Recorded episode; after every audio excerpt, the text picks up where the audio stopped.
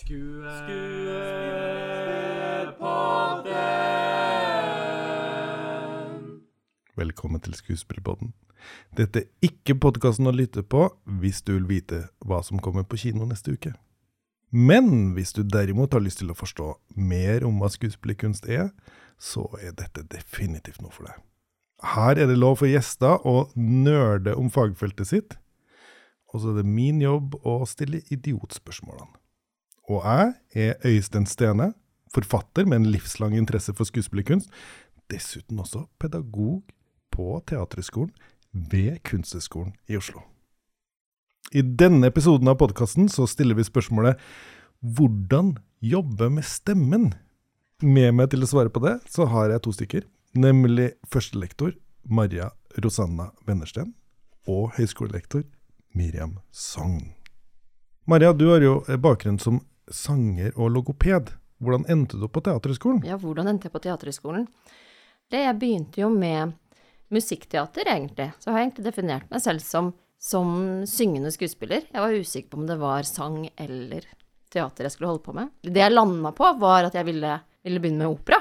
Um, og virkelig ha med fokuset på det skuespillerfaglige inn i opera, for det syns jeg noen ganger, eller ganske ofte, um, ikke tas like på alvor i operaverdenen, da. Men uh, når jeg da begynte å studere klassisk sang og bevege meg inn i opera, så gikk jeg altfor hardt på. Uh, og det var veldig mye som skjedde i livet mitt samtidig, som skapte veldig mye stress.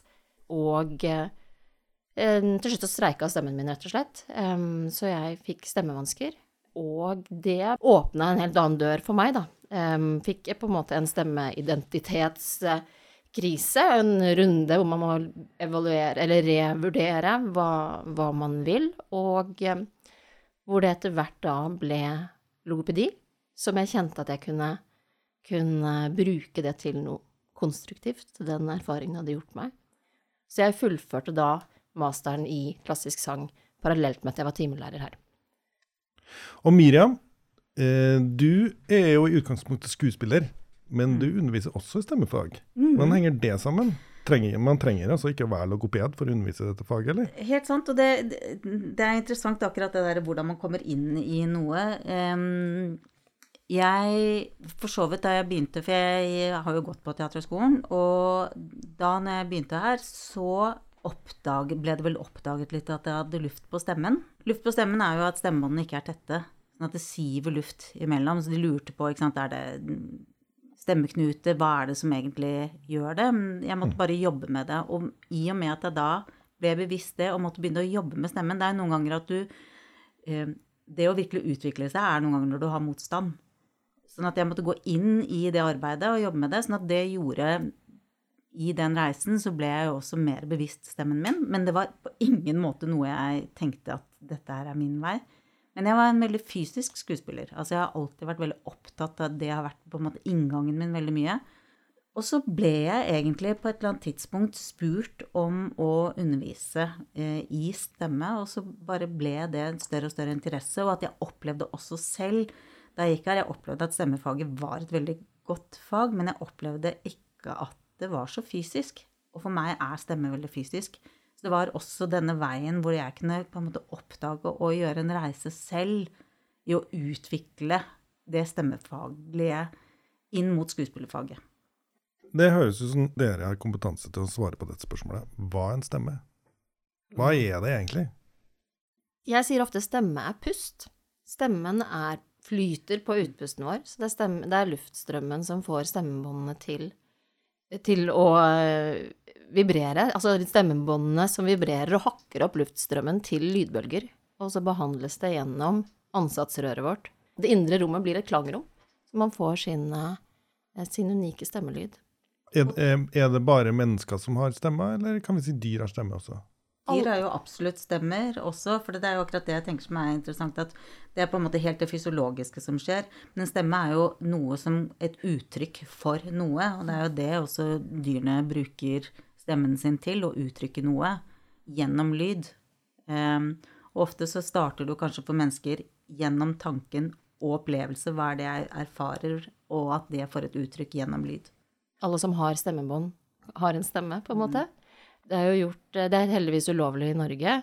Um, men i noen land så er det jo lov til å fjerne stemmebåndene på hunder, for eksempel, for eksempel. Så hvis man har en plagsom hund som bjeffer veldig mye, så kan, så kan stemmebåndene bli fjerna. Og det er ofte Altså, jeg har lest at det kan gi depresjon hos hundene, og de kan også få en mer aggressiv atferd etterpå, fordi at det er også en måte å kommunisere advarsel, frykt Altså, det er, det er jo deres måte å eh, Man fratar de språket, da egentlig. Og vi også kommuniserte jo før vi fikk vårt språk. Vi har jo også på en måte blitt født med en primallyd som også kommuniserer noe. Er det, er det smerte? Er det Sult. Ja, er det sult? Er det pludring? At man egentlig ganske kan høre på et spedbarn nyansene i hva bor i stemmelyden din. Hva er det den bærer? Hva, ja, som du er inne på da, Miriam, med en respons. Eh, så stemmebåndene er noe som eh, vi begynner å aktivisere fra det øyeblikket barnet drar den første pusten og, og blir mer eller mindre tvunget mm. av jordmødrene til å grine, liksom. Mm. Ja, det er jo som Maria sier, at det er et primærbehov, egentlig. Mm. Altså det står Det er helt i det, det grunnleggende. Eh, fordi stemme er eh, Det er jo en del av det vi opplever. Det er en del av det fysiske, det som faktisk skjer og det er tanken. Sånn at det er på en måte en sammensurium med alle de, disse komponentene som skaper lyd. Som igjen gjør at vi sakte, men sikkert får et språk med ord, og at vi kan uttrykke oss. Men da er det jo også at vi noen ganger også blir rettet på. For vi kan ikke lenger Altså, du lærer ganske fort at du kan ikke bare skrike deg til ting. Da blir vi jo kontrollert, og det kan jo igjen gjøre at vi på en eller annen måte mister det som er liksom det spontane det kan skje, eh, altså på en eller annen måte også skje gjennom språket. Mm. At vi sosialiseres, ikke sant? ikke sant? Vi skal uttrykke oss verbalt. Altså vi skal kunne forklare hva vi tenker, istedenfor å bare lage den lyden. Mm. Jeg har jo en toåring der hjemme nå, så det er egentlig et godt eksempel på det, som kan gå helt i harnisk stemmemessig over at det er feil pålegg på brødskiva, ikke sant. Så den hvordan vi lærer oss å regulere og kontrollere at ikke stemmen vår kanskje er like responsiv, da, på våre eh, Ja, på tanke, idé og emosjon. Eh, denne sosialiseringa av stemmen da, høres det ut som både er noe vi trenger for å kunne kommunisere tydelig med hverandre, men også noe som skaper en slags begrensning. Mm. Jeg vet ikke om det er et, et utgangspunkt i måten man jobber med skuespillere og stemmer på? Jo, for jeg tenker at det, dette henger helt sammen med akkurat det vi må gå inn og jobbe med på en eller annen måte. Fordi hvis man kan kjenne at det er en stemme som eh, er låst, eller at den ikke åpnes opp, eller så kan det jo være akkurat det at du må gå inn Det kan ligge på et helt Det kan ligge både fysisk eh, begrunnet, men også psykisk begrunnet. Sånn at det er jo ganske komplekst, akkurat det å få en fri stemme igjen. Fordi at den kanskje over tid har blitt stengt eller kontrollert. Mer eller mindre ubevisst at det skjer, fordi at vi skal på en måte fungere. Men vi, vi har også noen fysiske begrensninger, sånn rent stemmemessig, i forhold til hvordan stemmebåndene våre ser ut, hvor halsen og sånne type ting. Nå bare gjetter jeg, altså. Eh, men, men er, jobber man Går det an å si at um, ulike kropper har ulike forutsetninger sånn stemmemessig? Altså, Er det noen stemmer som er mer fleksible mm. enn andre, f.eks.? Bare ut fra kropp og, og, og, og, skapning? Jeg tenker det er et litt komplekst spørsmål. Um, jeg har veldig lite fokus på begrensninger. Jeg prøver egentlig å se mest hva er mulighetene i denne stemmen, for stemmen er i utgangspunktet veldig fleksibel. Okay. Um, sånn at det å kjenne på en måte hva, hva er potensialet i stemmen din? Hva er egentlig gitt deg? Hva er egentlig tilgjengelig der? Men som kanskje er lukket, da. Så det er på en måte å tilgjengeliggjøre og finne, utforske sin egen stemme. Um, hva som, hva som fins av muligheter i stemmen. Det er klart, du er jo inne på noe med at det er klart at det, um, at uh, tykkelse, altså masse og lengde og uh, anatomi, altså resonanser om lengde på halsen Altså at det er ting som påvirker en, uh, en klang, og som det, vil, det begrenser seg jo hvor dypt min stemme kan gå um, hvor mye masse jeg kan få. Det, en, det, kan være en takhøyde, og det er en, eh, et, eh, et kjellergulv, men, eh, men, men, utover det så tenker jeg at det, å liksom ja, virkelig kjenne at at stemmen har muligheter. Stemmen er ekstremt fleksibel, den kan gjøre så mye, den kan respondere på så mye, det finnes så mye. Ja, den har en, kan jo ha en utrolig rik palett, så det å kunne utforske og kjenne rikdommen i, i stemmen, tenker jeg er en del av det vi holder på med, da. Man sier jo ofte at uh, kroppen er skuespillerens instrument. Og nå høres det ut som om dere beskriver eh, stemmefaget som et forsøk på å finne ut om har du fått en klarinett eller har du fått en obo? Ja, altså jeg skjønner jo metaforen din i forhold til hva slags utgangspunkt er det du har, på en eller annen måte. Jeg tror at, altså at man, man, kan oppleve at, eh, at man noen ganger også har gått inn i en type bilde på hva en god stemme er hvis jeg skal, nå, nå, virkelig prøver jeg bare å liksom beskrive noe jeg tenker, og at vi får diskutere det sammen på en eller annen måte, men at en mannestemme skal liksom ha den der dybden, være den trygge, mens kvinnestemmen ofte noen ganger kan kjenne at de må kanskje være ufarlige, legge seg lyst, jeg, virkelig, nå snakker jeg generelt, men at man kan oppleve også noen ganger da bare noen ganger skal man møte mennesker som egentlig at de legger seg dypere enn det de egentlig er, eller lysere enn der de egentlig er å finne hva som er på en måte akkurat det Maria snakker om, det som er liksom utgangspunktet ditt på stemmen. Det tror jeg er liksom helt sånn, det er det fundamentet, det er der man må starte for at man kan gjøre også stemmen fleksibel. Ja, ok, så øh, jobber dere da med studentene for å, for å liksom kartlegge ok, men hva er utgangspunktet ditt?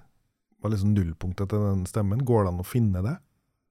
Ja, vi utforsker på en måte det. Um, jeg pleier alltid å gjøre en slags i starten av første klasse gjøre en, eh, en slags kartlegging hvor vi snakker om Så først og fremst snakker om stemme, for jeg er veldig opptatt av at ikke det er jeg som skal komme med noen fasit, og nå har jeg gjort en analyse, ding, ding, ding, dette må du jobbe med, sånn er din stemme. Eh, men at det skal være også for å få eierskap, en oppdagelse, og også en slags refleksjon og bevissthetstrening på Ok, hvordan føles det å bruke stemmen din? Hvordan vil, hvordan vil, du beskrive din stemme? Det gjør vi jo også på opptak, faktisk, når vi har stemmekartlegging under opptaksprøvene. Eh, men først og fremst så tenker jeg det første, første året handler om å legge fundamentet og kjenne hva er det Hvilke verktøy er det jeg har, eller kan få, for å kjenne at nå er stemmen min så åpen som mulig. Når man da plutselig kjenner at man faktisk slipper til lyden, kanskje bare for et øyeblikk, men at lyden åpner seg, så er det veldig ofte at jeg ser at det er et utrolig emosjonelt øyeblikk. Det er akkurat som man kommer fram til en sånn sann lyd. Her er jeg i kontakt med meg selv. Det er noe som liksom bare er helt sånn sårbart og åpent. Og for noen så er det kanskje Ja, kan det være Det kan jo det en, Jeg har veldig sånn respekt for det arbeidet, for, for noen så kan det jo også være en, en grunn god grunn til at man er i, i beskyttelsesmodus, og at det kan være ikke rett øyeblikk å gi helt slipp. Og det er jo også, som Maria snakker om, også den å begynne å reflektere rundt det, gjør også at man blir bevisst at vi En ting er sant, hva vi står i, men vi også snakker Vi bruker stemmen i ulike eh, forum på ulike måter. Altså Noen ganger i ulike situasjoner så blir jeg nervøs, og plutselig mister jeg Altså, da blir pusten trang man løfter Altså at ja, spenningene kommer. Plutselig snakker man kanskje annerledes til sitt barn eller til sin mor, sin venn. Og det å begynne Det er jo skuespillerarbeid. Hvordan kan jeg bruke stemmen din for å oppnå det jeg vil?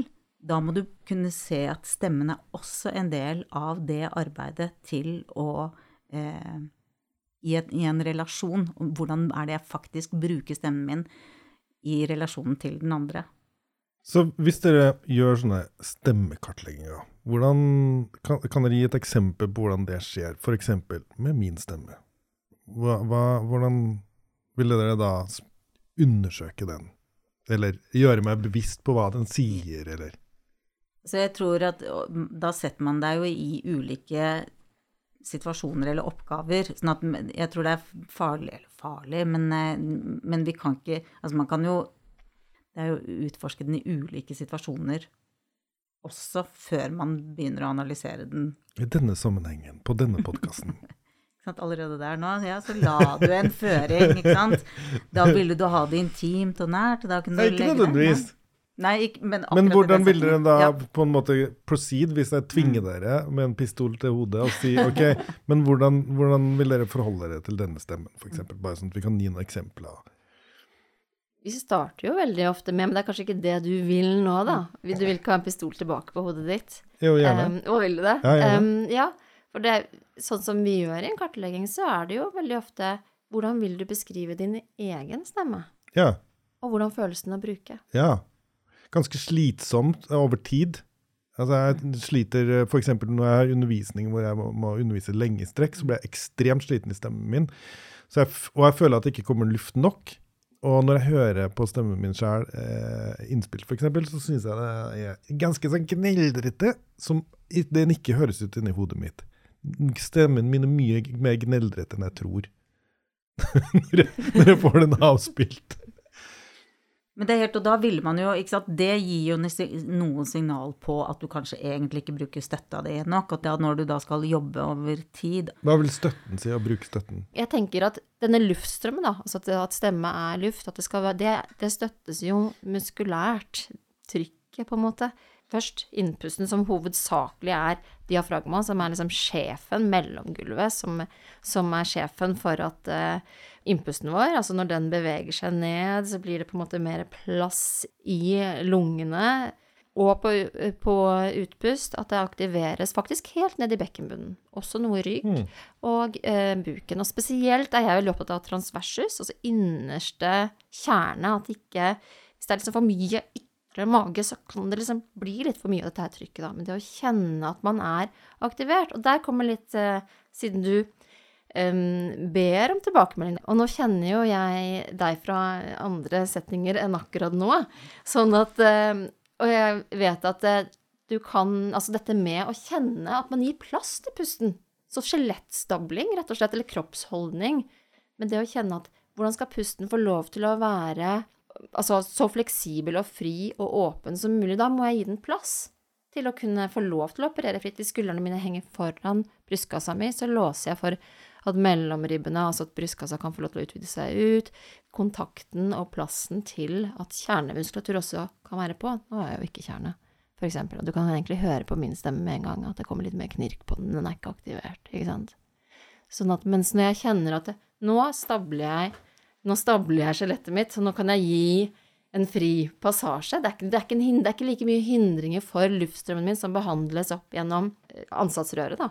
Så det å gi på en måte min, altså mest mulig fri passasje, også her, hvis jeg nå bærer hodet foran meg Jeg tror dere hører forskjell nå også. Vai, vai-ai-ai, vai, vai-ai-ai.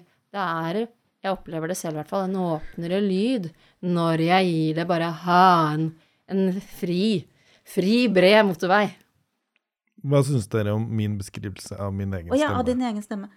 Fordi det syns du også For det, det at du beskriver at den er knirket og Jeg opplever at den ofte, veldig ofte er engasjert når du snakker om ting som virkelig bryr deg. Og da opplever jeg at du ikke blir like passiv som du beskrev litt sånn i starten. Så det mener jeg er en veldig sånn positiv Da har du en retning. Jeg opplever helt klart at du har en retning i stemmen din. Hva vil du si av en retning i stemmen? Eh, Den vil noe med noen. Når du setter i gang og har en klar tanke Det er jo akkurat det, en klar tanke gir også klar retning. Og det er det vi ofte kan se også da på scenen. At det er derfor vi også, ikke sant? Du kan jobbe med stemme, men du må også snakke noen ganger om intensjon. Ja, men hva er det du vil? Hva, hva betyr disse ordene for deg? Hva er det du vil oppnå? Og med en gang du har tanken, så plutselig så blir stemmen fri. Sånn at det er mange veier inn. Og det tenkte jeg bare i forhold til da. Det du, når du vet hvorfor du snakker om det du snakker om, så får du retning på det. Og det, det jobber man jo masse med i skuespillerarbeidet. Men jeg tenker litt på det du sa, og det er ofte det jeg syns er Som jeg ofte tar utgangspunkt i når noen sier at ja, men jeg blir sliten etter en stund, jeg kjenner ubehag i stemmen.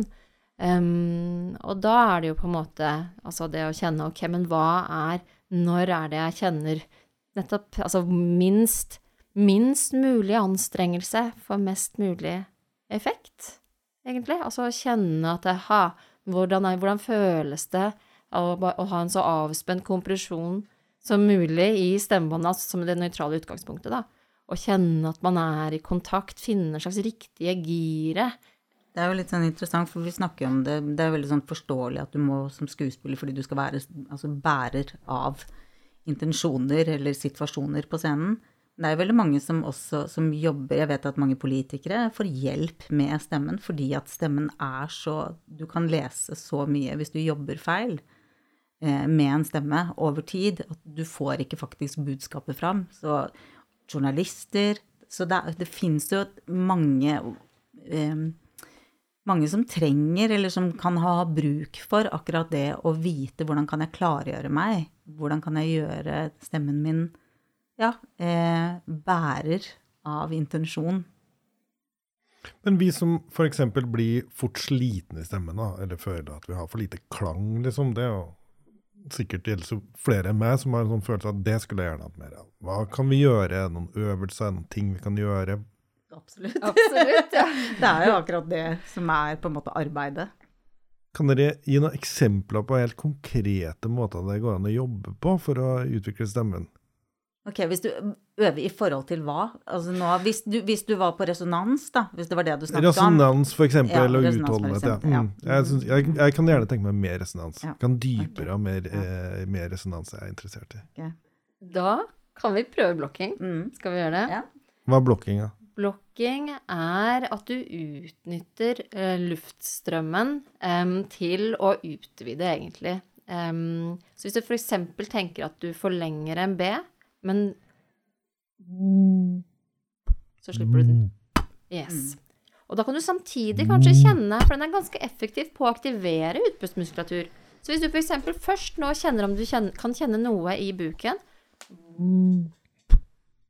Altså, så kjenne på buksida mi. Mm.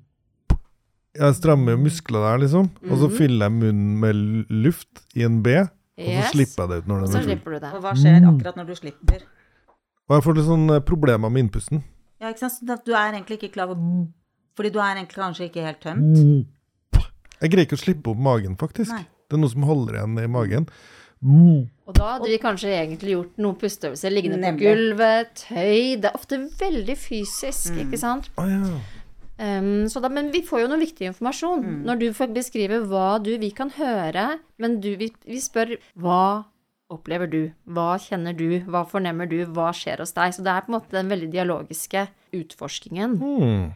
Nemlig. Og det er jo ikke sant, den viktige at man kan noen ganger ikke gå direkte på målet. Hvis du sier bare OK, jeg vil ha mer resonans. Og så kunne man kanskje OK, man begynner der, men så innser man at det handler om allerede at det viser seg at du egentlig kanskje holder litt i navlen. Kontinuerlig. Ubevisst. Mm. Bitte liten spenning. Det gjør vi faktisk veldig mye. Altså, det husker jeg selv da jeg gikk på teaterskolen. Plutselig fikk alle jentene litt mage. Vi hadde vært så vant til å bare holde inn den magen, og så måtte man jobbe så mye og gi slipp, og da plutselig bare Oi! Det var noe, noe som da slapp Man måtte virkelig slippe opp. Som ligger mye dypere enn det du egentlig er klar over. Fordi du har det der lille holdet Jeg tror ikke det er bare vi, Jeg bare husker at vi jentene snakket mye om det. At oi, shit, her skjer det. Men det er også Man noen ganger holder bitte lite grann i rumpa. Helt ubevisst. Så det er bare det å begynne å kjenne Oi, hvordan kan jeg slippe helt for å gjøre Og det er egentlig alt det som Maria beskrev tidligere. Det er at da må man begynne fysisk å jobbe med det. Når man snakker om det der åpne opp ribbekassa, alle disse tingene her, da er det Du må starte i pusten. Pusten er på en måte det altså grunnleggende, det elementet. Hvis ikke det er på plass, kjenne at du kan bruke pusten, så vil du heller ikke finne resonansen. Mm. Det er derfor man veldig ofte starter med pust. Mm. Jeg bruker eksempel ganske mye sukke. Men også da sukket som en respons, at ikke det bare er et sukk, et tomt sukk, på en måte, men det å på en måte virkelig for eksempel å forestille seg noe, da, en lang, intens dag, eh, og så endelig treffer du, treffer du sofaen og bare åh, kjenner, Da er det ofte noe i, bare i det som slipper. Og det er også noe jeg har tenkt på ofte, som man hører akkurat det der når, hvis folk ikke har det bra, eller at man sier sånn, ja, men husk, ta, eh, ta et magedrag, pust dypt. Men veldig ofte, hvis du først er anspent, så eh, klarer du ikke å ta et dypt pust. Det er lettere å starte med en utpust. Det å virkelig bare tømme deg, så er du nødt Da vil pusten automatisk gå inn. Hvis du starter med å trekke pusten, så er det så lett at du bare plasserer den opp i brystet, og du egentlig bare starter med et dårlig utgangspunkt. Bare start i en utpust, mer enn å starte i en innpust. Men at vi også kan, hvis vi er veldig stressa, hvis vi er kjempenervøse, da, som man jo kan være, fort kan øh, være i en, i en innspurt eller før en forestilling eller hva det måtte være, at man kjenner at nervene tar igjen, så er det altså å kunne jobbe aktivt med at pusten Man kan manipulere nervesystemet med pusten. Og kunne insistere på at pusten går langsomt. For det, noe, det, det gjør vi ikke når vi er stressa. Da går den, da Mm. går den høyt og, og hurtig. Men hvis man, da lurer man egentlig kroppen sin til å kunne si å ja, men det er ikke så farlig. Jeg puster rolig. Mm. Jeg, jeg, jeg tror det er Cicero, den, den romerske taleren Cicero, som beskriver at han eh, øvde på tala eh, med småstein i munnen. Ja, altså, Dario Fo gjorde også det. Ja, ok, så det, han, gjorde, fordi han jobbet så mye sånn, på gater og torg og måtte ha en bærende stemme som kunne nå langt. Så han leste avisen eh, høyt hver dag med steiner i munnen. Og det viste seg at det som faktisk skjedde, det var helt igjen det er ikke sant, fysiologisk at eh, ganeseilet ble utvidet av dette over tid. Som igjen gjorde Som handler om akkurat den derre hvor mye plass har du til lyden, og da bæres den eh, fremover. Når skuespillere så har gått gjennom denne stemmetreninga deres og fått et veldig fri og tilgjengelig stemme som kan gjøre alt mulig rart, eh, og som er dyp og, og fyldig og har alt, liksom, begynner vi da å få stemmer som er skuespillerstemmer? Altså, er det noe som går igjen hos skuespillere? Altså, jeg har hørt at Jeg vet at det er noen i filmverden som nettopp syns at det, er et, det står til hinder for det autentiske. Eh, noen regissører som da opplever at det er så presist at det mangler eh, det upresise, eller det, u, det feilbarlige. Så det er jo interessant, men jeg tror jeg kan si at det er jo også det eh, Det er jo en Selv om du må også være presis i eh, film, så er det akkurat på scenen du skal bære Det må komme over. Sånn at det er noen teknikker der der du ofte kan se eh, Kanskje da folk som ikke har jobbet så mye med stemme, kan du lett falle igjennom nettopp på det på scenen, men ikke på samme måte på film. Nå tekstes jo all norsk film også, på kino. Ja. Så du, du, det er jo ikke mulig å se noen ting Nei. som ikke er teksta lenger, så du kan snakke akkurat sånn som du vil. Vet ikke om det, Mm. vet ikke om det underminerer stemmefaget. Ja, altså du kan i hvert fall si at jeg, jeg opplever at det er kanskje der man tror også noen ganger at det som er liksom det autentiske, eh, eller det som er veldig casual, er det autentiske. Men man opplever jo at det er jo ofte da det blir upri... Altså at det mangler retning, og du skjønner egentlig ikke hva du vil Altså eh, underteksten av det du sier, fordi det er så Det er ingenting som er på spill på en eller annen måte. jeg tror vi har møtt noen fordommer der, dette med skuespillerstemmen som noe på en måte pompøst og stort og svulstig. At det, vi vil ikke dit, for da tenker jeg at da pumper man. Da forstørrer man på en måte mer enn man trenger. Altså det, det finnes jo en slags estetikk i måten man snakker på. Altså, hvis man hører på Filmavisa i 1945, så vil det den være 'Velkommen til Filmavisen! Her ser vi kongen komme i land!' Altså, det er veldig mange sånne lang Altså, måten man bruker vokaler på, konsonanter og sånne type ting. Bare se på nyhetene, lese på en spesiell måte. Altså, det finnes jo noen estetiske preferanser på hvordan vi snakker, gjør det ikke det? Jo, det gjør det nok. Og jeg tenker også, da kommer man jo over litt sånn i språk og dialekter også. Eh, som gjør også at man har et eller annet sånt eh, forhold til dette at man sier ball eller ting eh, som eh, Det er mye diskusjoner rundt hva Nei, vi kan jo ikke si de, eller disse æsj-lydene, kjøkken. Mens hva er det vi egentlig måler det med? Er det fordi at vi føler at det er for det er, eh, det er ung, hører ungdommen til? Det er jo hva vi leser, hvordan vi tolker. Og jeg tror at vi på mange måter Vi er jo helt konstant utvikling akkurat rundt både stemme og språk. Dere, hva er det som særpreger Teaterskolens stemmeundervisning? Jeg tenker at um, styrken ved at vi har individualundervisning, sammen med gruppeundervisning. At man kan jobbe der hvor skoen uh, trykker. Kjenne virkelig at man, er, at man får være i den, i den, prosessen og jobbe der hvor det kjennes som at det er mest relevant for en. Og kunne ta det med inn i gruppeundervisningen. Jo, og også det, og det å lage lyd. Du må erfare, du må kunne lytte til din egen stemme. Hvis det blir lyd fra alle, så er det også det er vanskelig å eh, være i kontakt med seg selv hvis du ikke får rom til å også oppdage din egen stemme. Hvor viktig er stemmen når man søker til Teaterhøgskolen? Den må være perfekt. um, vi har jo en ganske grundig stemmekartlegging til, eh, under opptaksprøven. Vi jobber vel med hver og en av kandidatene en halvtime. Det er et stemmekrevende studie, så man må også kjenne at stemmen på en måte kan tåle den stemmekrevende mm. utdannelsen, da. Fordi det er helt klart, man kan jo utvikle en stemme. Det er eh, virkelig et utgangspunkt som vi har eh, inn, men det er også utgangspunktet for å utvikle. Det er jo har jo noe å si i forhold til akkurat det at du kan se at du kan respondere på ting. Hvis ting er låst på en eller annen måte, så er det ikke bare at det, det låser seg direkte i stemmen, men du ser det i et arbeid. Og da kan stemmen være en del av det. Du må se at det fins en mulighet til å kunne utvikle. Skuespillerpodden! Skuespillerpodden er produsert på Teaterhøgskolen ved Kunsthøgskolen i Oslo med filmmagasinet Rushprint og teatertidsskriftet scenekunst.no som samarbeidspartnere. Den nydelige introen var tonesatt av vår egen korpedagog Jan Tariq Ruy Raman og sunget av studentene ved Teaterhøgskolen.